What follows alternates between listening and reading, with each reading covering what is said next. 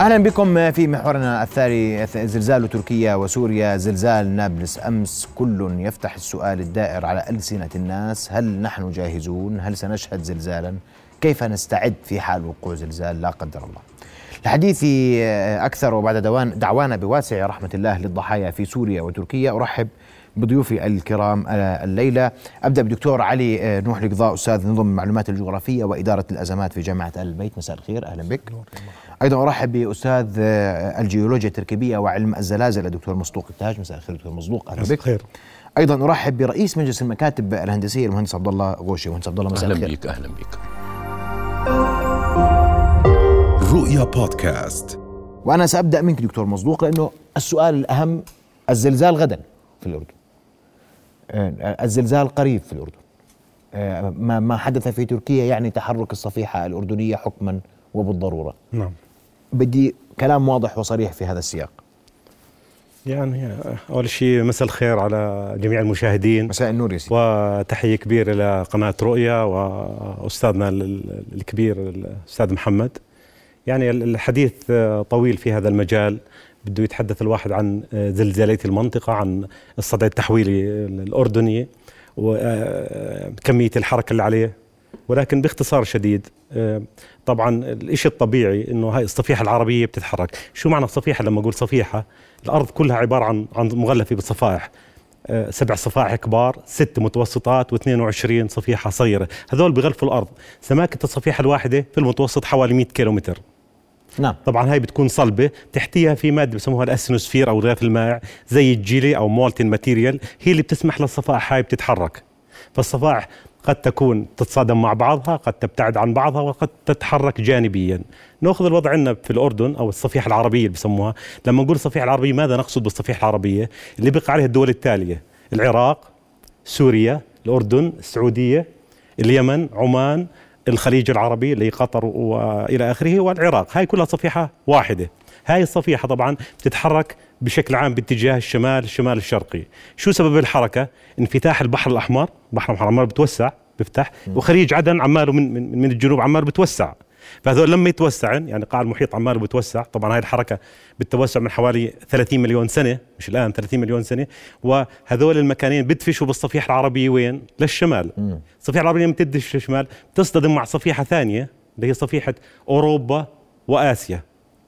أوروبا وآسيا الصفحه العربية تصطدم معهم. وهذا طبعا اللي كون عندي جبال طوروس وزاغروس هاي الجبال نتيجة تصادم. وفي component ثاني من الحركة للشمال تصدم بالصفيحة مين؟ اللي إحنا في صدد الآن صفيحة الأناضول اللي هي جزء كبير من تركيا واقع عليها. الأناضول جاي شكلها زي ال wedge shape أو المثلث ماشي؟ فلما الصفيحة العربية بتتحرك للشمال دفشت الصفيحة مين؟ اللي هي ال Anatolian فاللي صار بالضبط هذا اللي صار إنه سبب الزلزال اللي صار في في في تركيا جزء كبير منه نتيجة حركة الصفيحة تاعتنا إلى الشمال. إلى الشمال حاليا مع with rotation في لأنه البحر الأحمر عمال بيفتح بالشكل هذا الصفيحه بتتحرك للشمال وشوي فيها component الشمال الغربي. فهذا بصير عندي حركة انزلاقية بين الصفيحه العربية وصفيحه الأناضول. هذا اللي صار بالضبط إنه الصدع هذا الفاصل ما بين الصفيحه العربية وصفيحه الاناضول هو عبارة عن صدع اتجاهه شمال شمال شرقي بطول حوالي 530 كيلومتر. ال boundary بيناتهم. فلما تحرك الصفيحة العر... العربية بس إحنا ما صار لنا زلزال بالضبط. التفريغ الطاقة ما هو السؤال وين بصير الكسر؟ وين بصير تفريغ الطاقة؟ شو الزلزال تعريفه؟ عبارة عن صدع وتحرك صار كسر. سواء على السطح على 10 20 وين بصير كسر؟ 20 30 100 كيلومتر. ففي في في تركيا إنه الحركة هاي طبعا مش الآن. الآن الصفيحة العربية بتتحرك معدل 15 ملي أو واحد ونص ال absolute movement الحركة المطلقة. كل سنة بتتحرك واحد أو لازم تتحرك واحد ونص سنتي في السنة الصفيحه العربية. نفرض 10 سنين ما تحركتش. شو اللي قاعد بصير؟ Accumulation of stresses الاجهادات عمالها بتتخزن. فبصير خلينا نقول دفعة واحدة بتطلع الطاقة. إنه صار كل سنة لازم تتحرك لها واحد ونص سنتي. عبر 10 ولا 20 سنة ما تحركت. طب بالاخير لازم تتحرك. فال stresses أو القوى اللي بتتراكم قاعدة هاي كسرت في مكان ما. هي المنطقة الأضعف. دائما ال fault بيك... الصدع بيكسر على المنطقة الضعيفة. فكسر المنطقة الضعيفة بالضبط بالضبط. فالصفيحه كاملة. تخيل هلا هلا طب بكرة عندنا زلزال يعني على كلامك هيك بفهم؟ الآن إيش اللي بصير؟ الصفيحة اسمحوا لي ضيوفي أنا بدي أجيكم فيما بعد هذه هذا الإجابة. الآن هسه في جزء خلينا نقول ال- ال- ال- الطاقه تفرغت شوي بس الصفيحة still حتتحرك يعني البحر الأحمر والخليج عندنا راح يظل يتوسع. ما انتهت القصة لحد الآن. فهاي الآن حيصير إيش؟ تخزين طاقة مرة ثانية. الآن السؤال هسه هاي منطقة كسرت. يمكن الله أعلم بجوز بعد 20 سنة. في recurrence يعني كل مثلا 20 30 سنة لازم تكسر. بس الآن يمكن يكون التخزين الطاقة اللي قاعد بصير في منطقة صارت أولى إنها تكسر. لهون نيجي لمنطقتنا الآن. اللي إحنا درسنا المنطقة في كل كل كل الصدع هذا يعني وركزنا كثير على المنطقة اللي خلينا نقول اللي مقلقة جدا اللي فيها كثافة سكانية عالية بالأردن. اللي هو صدع غور الأردن يسموه امتد من البحر الميت وحتى نهر اليرموك أو طبرية. حوالي 110 كيلومتر طول هذا الصدع فعملنا عدة دراسات عليه حوالي من تقريبا من سنة أنا الدكتوراه تاعتي عليه سنة ال 2000 ف يعني مسحت الصدع كاملا تقريبا وعملت دراسات ب 2003 2004 طيب، إيش ك- إيش كانت النتيجة؟ ليش درسناه؟ طبعا عمان إربد الزرقاء كل هاي قريبة جدا منه. فبالتالي يستحق الدراسة. النتيجة الخلاصة خلاصة الدراسات هاي. صدحها طبعا إذا بتحب مثلا أعطيك خلاصة دراسات آخر 14000 سنة.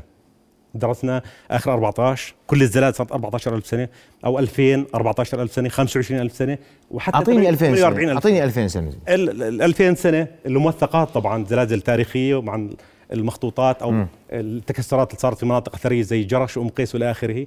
اللي موثق الآن مثلا في زلزال اللي بيحكوا عنه عنه الآن زلزال من طراز سبعة وفوق مش خمسة خمسة ونص والله شو اسمه ثريا تحركت ولا باب كذا ولا طابق. هذول بيصيروا عندنا؟ كل الناس اللي اللي بتحكوا فيهم خمسة خمسة ونص. أنا مش ححكي فيه هذا. لأنه آه. آه. بيقلقنيش هذا. اللي بيقلقني من سبعة وسبعة وفوق اللي موثق بالرسوبيات. رسوبيات كم واحد صار عندنا؟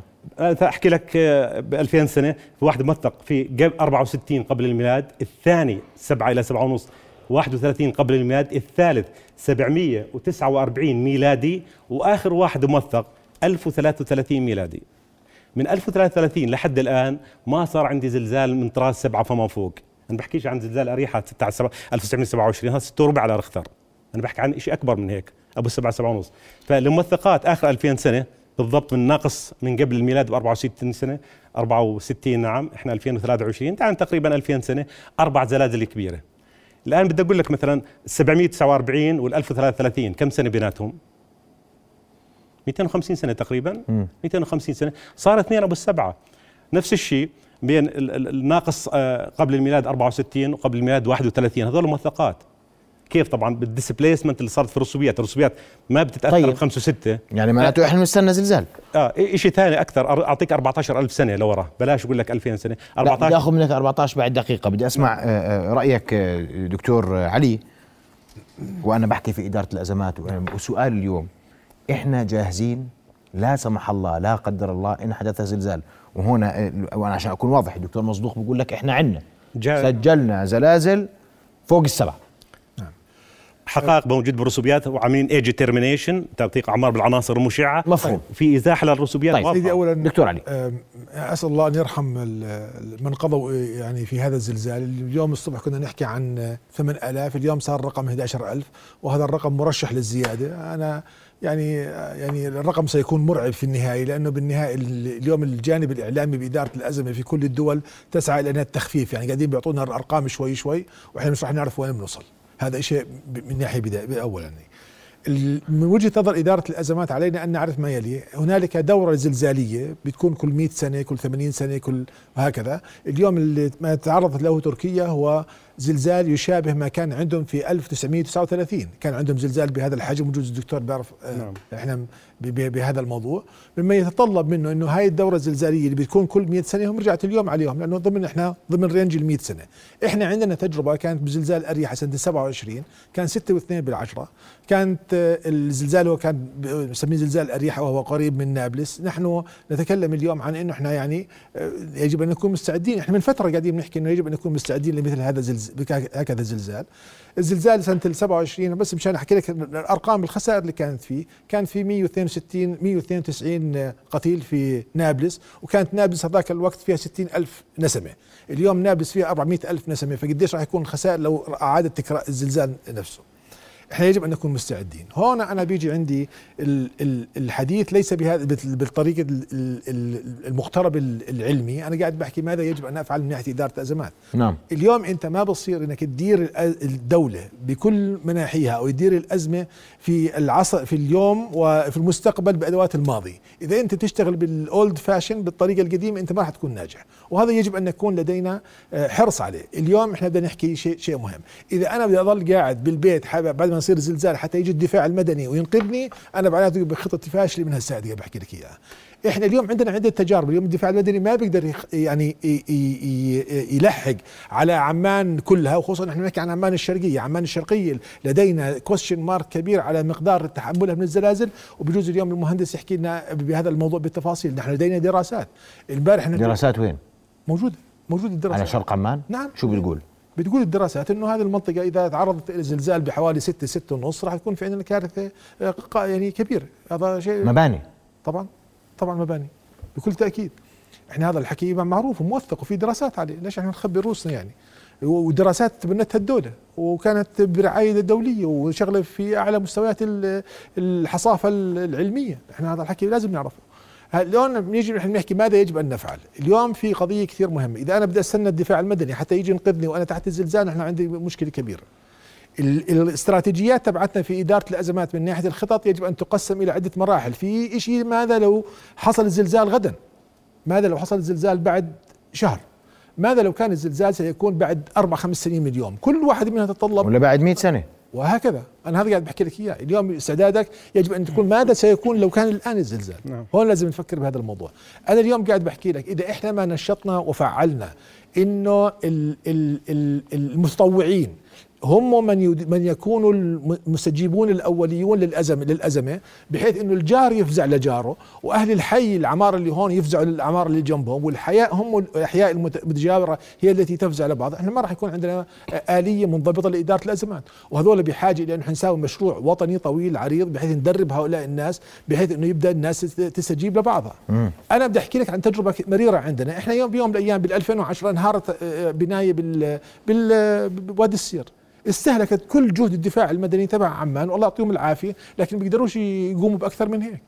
إحنا عندنا تجربة بموضوع كثير مهم. إحنا بال 2010 آه، آه، الحريق اللي صار بسوق البخارية مش كنا عارفينه؟ مو استهلك كل جهد الدفاع المدني بعمان والبلقاء والزرقاء حتى يقدروا يطفوا الحريق. شو بده يصير عندنا بكرة؟ لو بدنا نسأل سؤال شو بده يكون عندنا بكرة لو صار عندنا ثلاث أربع حرائق كبيرة؟ اليوم عندنا في بتركيا اليوم في آه، ميناء الاسكندروني كأنه في اليوم حريق لحد الآن مشتعل.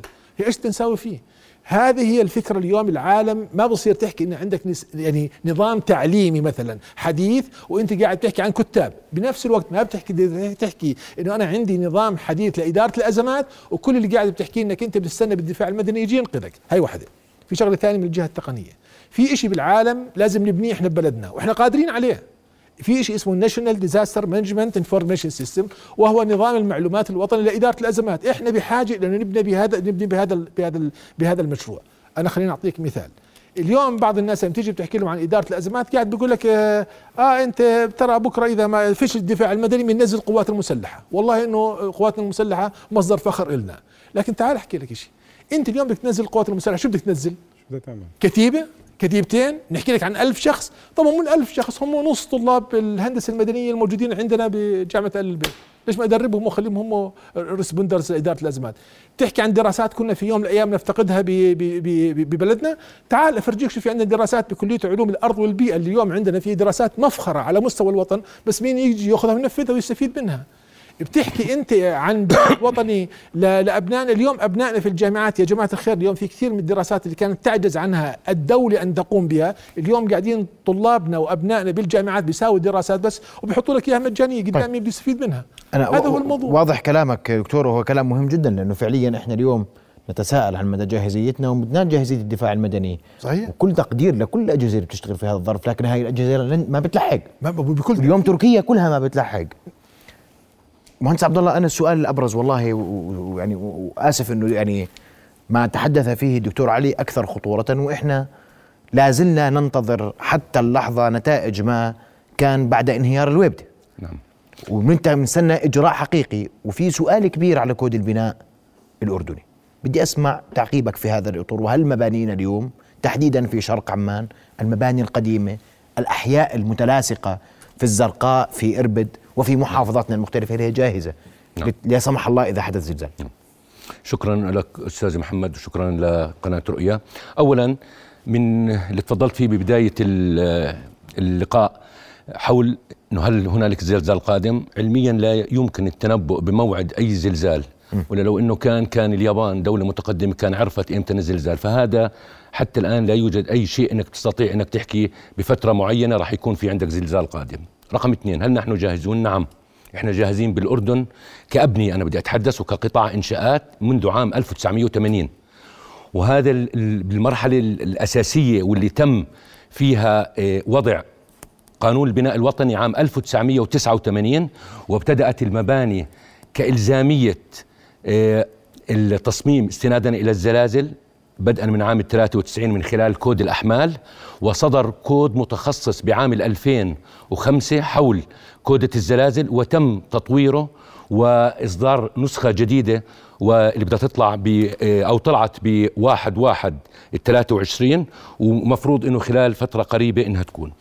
والدليل على ذلك إذا بدنا نشوف الأردن من أوائل الدول اللي بالمنطقة اللي عندنا خريطة زلزالية كناحية تصميمية أستاذ محمد كناحيه تصميمية إنه مقسم الأردن لأربع زونات. يعني أنت بالأردن مش إنك جديد على موضوع الزلازل لأنه أنت الموضوع هذا تسمح لي الورقة أنت كرمتها بس تعرضها عشان المواطن يكون تفضل. يعني عارف الأردن هذا هذا موجود بكودة الزلازل وحاليا تم عليه تطوير اللي هو الكود الجديد اللي بده يطلع. تم تقسيم المملكة إلى أربع مناطق أساسية.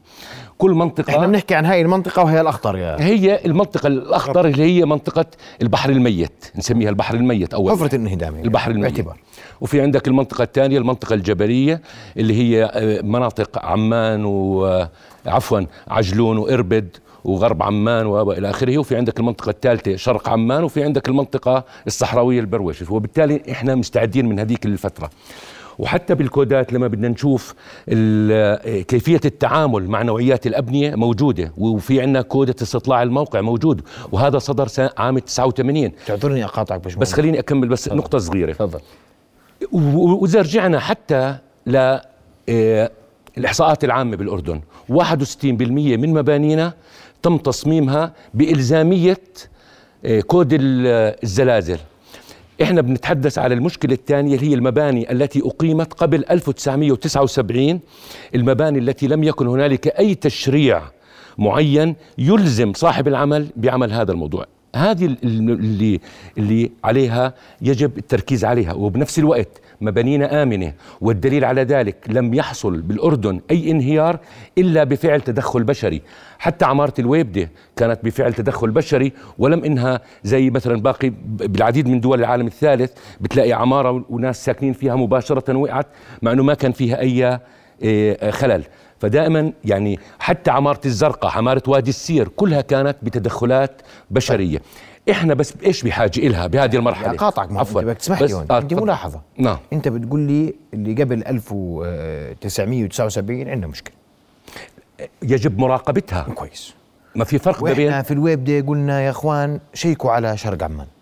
مش بس شرق عمان شيكوا على العمارات القديمة مش بس شيكوا على العمارات القديمة مش بس شرق المنازل عمان. القديمة. في عندك بالعديد من المدن يجب أكمل. التركيز عليها خاصة بس بنفس الوقت إحنا بدنا نتذكر إنه المباني تبعتنا المباني الحجرية والمباني المبنية من الخرسانة كمان نسبتها حوالي 57% هذه يعني إذا لا سمح الله حصل أي زلزال هي آه، بتعمل على التخفيف من الآثار السلبية على هذه المنشآت. بس باشمهندس إحنا اللي بنتحدث أنا بدي عشانك أنت بتقول لي كود بناء. نعم. وبدي تعذرني وبس ما بعد الفاصل جوابك إذا عندك جواب عليه. نعم. إنسالي عمان وإنسالي غرب عمان بالتحديد. لا وشرق عمان شمال. عمان وجنوب. عمان إنسالي. عمان كلها آه. في المحافظات وفي كثير من المحافظات وأنا ابن المحافظات مش بحكي يعني ببعيد عن ذلك. نعم. الورق الهندسي ورق المقاول بيشتغل براسه. عشان نتفق أنا وياك. وبنرجع ارجع لك بعد. الفاصل. فاصل قصير ومن ثم نواصل. ابقوا معنا.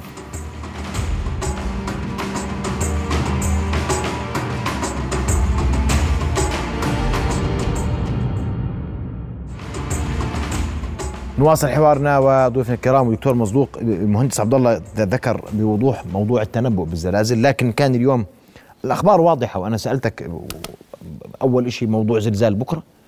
ثم الحديث عن تحذيرات أمريكية للمنطقة بأنه الزلزال بات قريبا منها. والسؤال الثالث العلمي أكثر. الإزاحة التي حدثت في صفيحة الاناضول ثلاثة متر نعم. كيف تعوض؟ نعم. تفضل. الإزاحة طبعا بناء على نتائج ال GPS وطبعا هي مرصودة. ال- الطاقة اللي فرغت حركت صفيحة الاناضول خلينا نقول تركيا باتجاه الغرب أو الجنوب الغربي حوالي 3 متر. هي بسموها ال lateral escape تحركت إلى الغرب. الآن طبعا صار في فراغ. شو اللي بدي اعوضه؟ يعني قلنا إنه سبب الحركة هاي هو دفش. الصفيحة العربية بتتحرك. مع صفيحة الاناضول بتعمل strike-slip movement حركة جانبية. الآن اللي بصير لازم صفيحتنا الآن نتيجة الثلاث متر اللي تحركوا يصير reactivation ماشي؟ الصفيحة قلنا بتتحرك مع rotation لازم تعوض الفرقية هاي. يعني صح حفظ إحنا معناته إحنا لما نقول في زلزال قريب عندنا بنكونش آه، طبعا في ما قلنا الصفائح كلها بتتحرك الأرض كلياتها مش عندنا لحالنا. كلها أي فرا أي حركة معناته عندنا زلزال قريب. تباعدية تقاربية. هسه بنيجي بعيد أو قريب هاي بتعتمد الآن على مقدار الطاقة المخزنة في في الصخور. نرجع ل, ل... خلينا نقول غور الأردن مرة ثانية. آخر زلزال كبير صار سنة 1033 ميلادي. يعني من حوالي ألف سنة إحنا 2023 أل- ألف سنة أو ألف وشوية من حيث زلزال كبير الطاقة عمالها بتتجمع في تلك المنطقة. اللي بقول لك آه، بصير الزلازل ثلاثة وأربعة وخمسة بفرغ طاقة هم ما فيش تفريغ طاقة. بالعالم كله في يسموه recurrence period أبو أبو الثلاثة بجوز كل كل كل خمس سنين بصير. أبو الأربعة كل عشرة. أبو الستة كل مئة سنة. أبو السبعة بده أكثر شوي. بس هذا لا يعني إنه الصغير صار الكبير مش جاي. بيعتمد مقدار الكسرة وين كسر. فالصغار هذول مش حيفرغوا. الزلزال كبير خلونا قادم قادم. بس ايمتى أحكي شغله ولا بسرعة. نأخذ آخر 14 ألف سنة. درسناهم في في في غور الأردن. الرسوبيات الموجودة في ذلك الزمان وحددنا أعمارها قصه كبيرة جدا خلاصة القول. آخر 14 ألف سنة كان في عندي 12 زلزال من طراز سبعة وفوق. محفوظ بالرسوبيات هذا. هي طبعا هون الأمور ليست للتهويل وإنما حقائق علمية. البحث منشور في 2007 طيب. وفي 2011 فبقول لي الخلاصة إذا في 12 زلزال من سبعة وفوق محفوظ في الرسوبيات وفي ازاحات الأودية. الآن بدي أحكي ك average من الزلزال أبو السبعة اللي وجدناه كمتوسط الخلاصة؟ إنه تقريبا كل 800 سنة 790 800 سنة بصير زلزال من طراز سبعة إلى سبعة ونص. في غور الأردن. بالضبط. ال segment تاعت اللي هي غور الأردن اللي هي 110 كيلومتر هاي. آخر واحد قلت اللي هو 1033 المفروض الثاني كمتوسط مع إنه مش صحيح. يعني في زلازل كانت تصير كل 250 سنة قبل شوي وفي يمكن 1500 سنة ما تصير الزلازل. هاي متوسطات. بس كمتوسط 800 الآن بالمتوسط إذا صار 1033 لما 1800 1850 لازم يصير زلزال الثاني. إحنا 2023 يعني من 400 سنة وإحنا ننتظر بزلزال من طراز سبعة فما فوق. تمام؟ واضح. دكتور دكتور علي آه، أنت قلت لازم نهيئ الناس ونجهز الناس. آه نعم. أنا اليوم مش قاعد بدعي الناس تخاف بس أنا قاعد بقرأ عن حاضر. أنا بقرأ عن حاضر. الدكتور المهندس بيقول إنه 31% من الأبنية عندنا في عمان هي كلمة اللي بنيت قبل ال 79 هذا طلبه بسجل العقاري ولذلك يكن بس هو بده بده هاي العمارات تتسجل عشان نعرف شو شو شو أنا اليوم شو صاحب. الاختصاص بيقول لي إنه في 31% من الأبنية قديش عدد السكان اللي فيها هي غير مؤهلة إنها لا هي بس عشان واحد وثلاثين بحاجة إلى مراقبة. طيب بنراقب يا سيدي. بس أنا بقول لك هم لأنه لما لما انبنت ما كان في كود كود البناء موجود المستعد للزلازل. بس بدي أحكي لك شيء كمان. خلينا بس برضه نحن نضل على على نفس على نفس الصفحة. الأبنية اللي بنيت بعد بعد ال 80 كان ال- ال- ال guarantee اللي من ال من ال من المقاول أو من صاحب البناء قديش؟ 10 سنين. اللي هي القانون المدني الأردني. تمام. فأنت أي بناء صار عمره أكثر من 10 سنين يعني بدك كمان تراقبه. خلينا نحكي كلمة مراقبة كويسة كلمة دبلوماسية وكويسة. اللي اللي غير هيك الدكتور بيحكي إنه أنا نعم نحن عندنا تسجيل تاريخي للزلازل يجعلنا متحوطين أكثر. يا عزيزي اليوم الصورة الزلزالية في خارطة زلزالية بتطلع من مركز رصد الزلازل الأردني. لما بتشوف أنت قديش عدد الزلازل.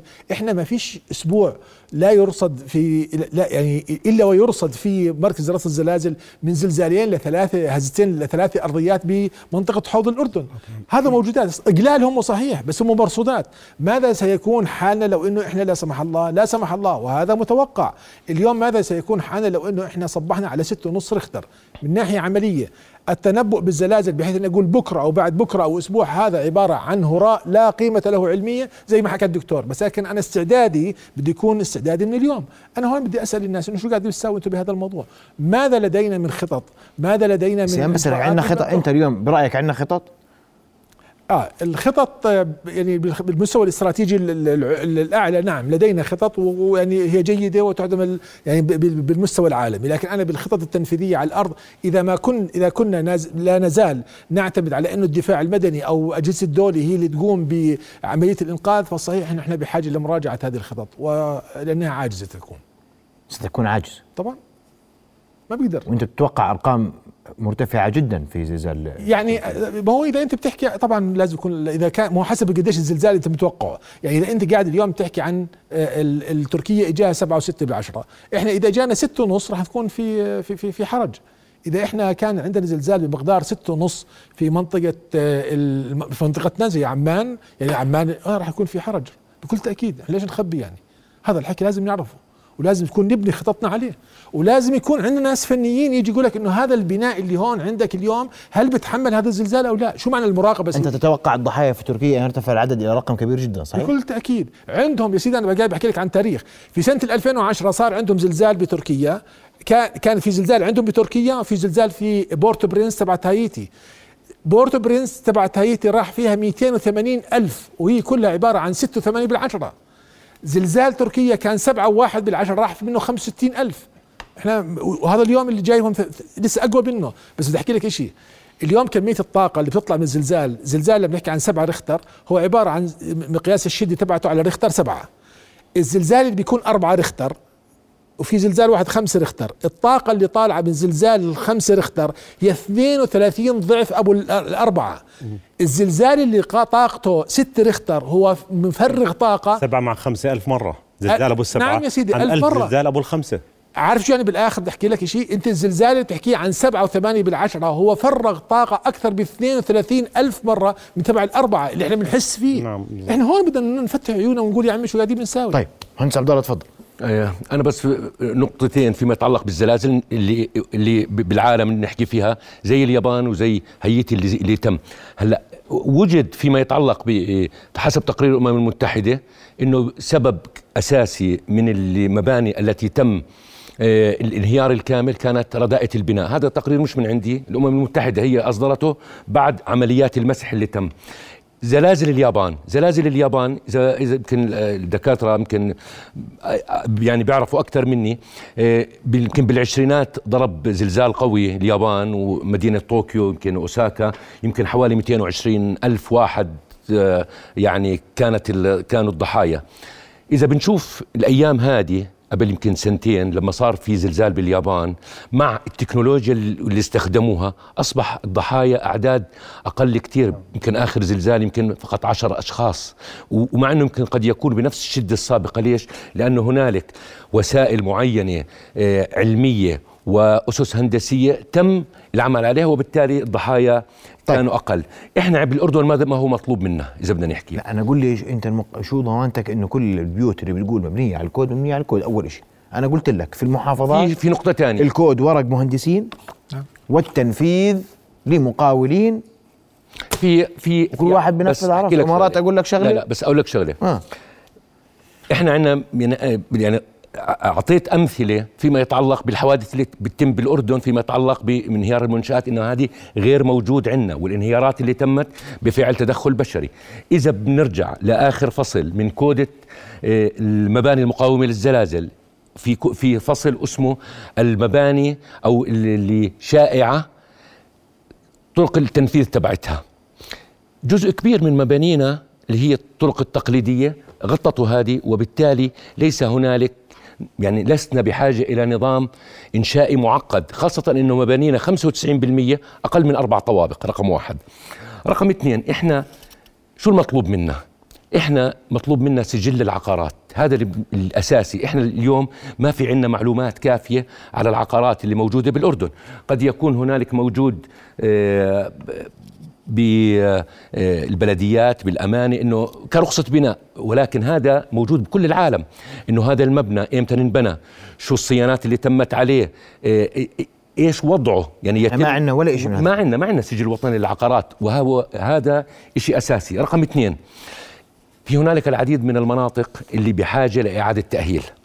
هلأ الآن إذا بنشوفها بال... بالهون بالأردن بعد الويبدة كل طرف من الأطراف عم برميها على الثاني شو السبب؟ سبب مالي. إنه إيه، هنالك كلف مالية. فمن هون يجب يعني أسوة بدول العالم كلياته. في شيء اسمه صندوق تأهيل المناطق العشوائية أو تأهيل المناطق الأقل حظا. لابد من وجود صندوق أساسي أنه منطقة معينة سواء عندك إياها بأي مدينة بالأردن. وجدناها أنه هذه بحاجة لإعادة تأهيل. في هنالك صندوق آه، في له طرق معينة للتمويل. تقوم ب يجب أن يبدأ ويباشر العمل ويبدأ نعم في نعم. المباني. طبعا بعد ما إنك تنشئ سجل الوطني للعقارات. عشان تعرف وين رايح. بالضبط تعرف إنه قديش الكلف. و و ومن هون بتستطيع إنك تباشر. رقم ثلاثة اللي تفضل فيها بعجالة الدكتور قبل شوي إحنا بحاجة لتطوير المواصفات العامة بالأردن. المواصفات العامة بالأردن من ال 96 إحنا بنحكي على فترة يعني آه، حوالي آه، من 96 لليوم. إحنا بحاجة لإعادة النظر فيها خاصة إنه الخوف بعد أي زلزال لو إنه كان خفيف مش الانهيار المنشأة في هنالك تساقط بتكون من الواجهات. ويمكن شفناها حتى ب آه، بزلزال تركيا. شفنا كيف واجهات كاملة كانت إنها تنزل. إحنا بحاجة لإعادة النظر وتطوير موضوع المواصفات العامة وطرق التلبيس وإلى آخره حتى يكون إحنا نعم. بمعامل الأمان يكون أعلى إشي. واضح جدا. بدي أشكركم كل الشكر. ضيوف الكرام شرفتوني بحضوركم ليلة. شكرا جزيلا لكم. رؤيا بودكاست.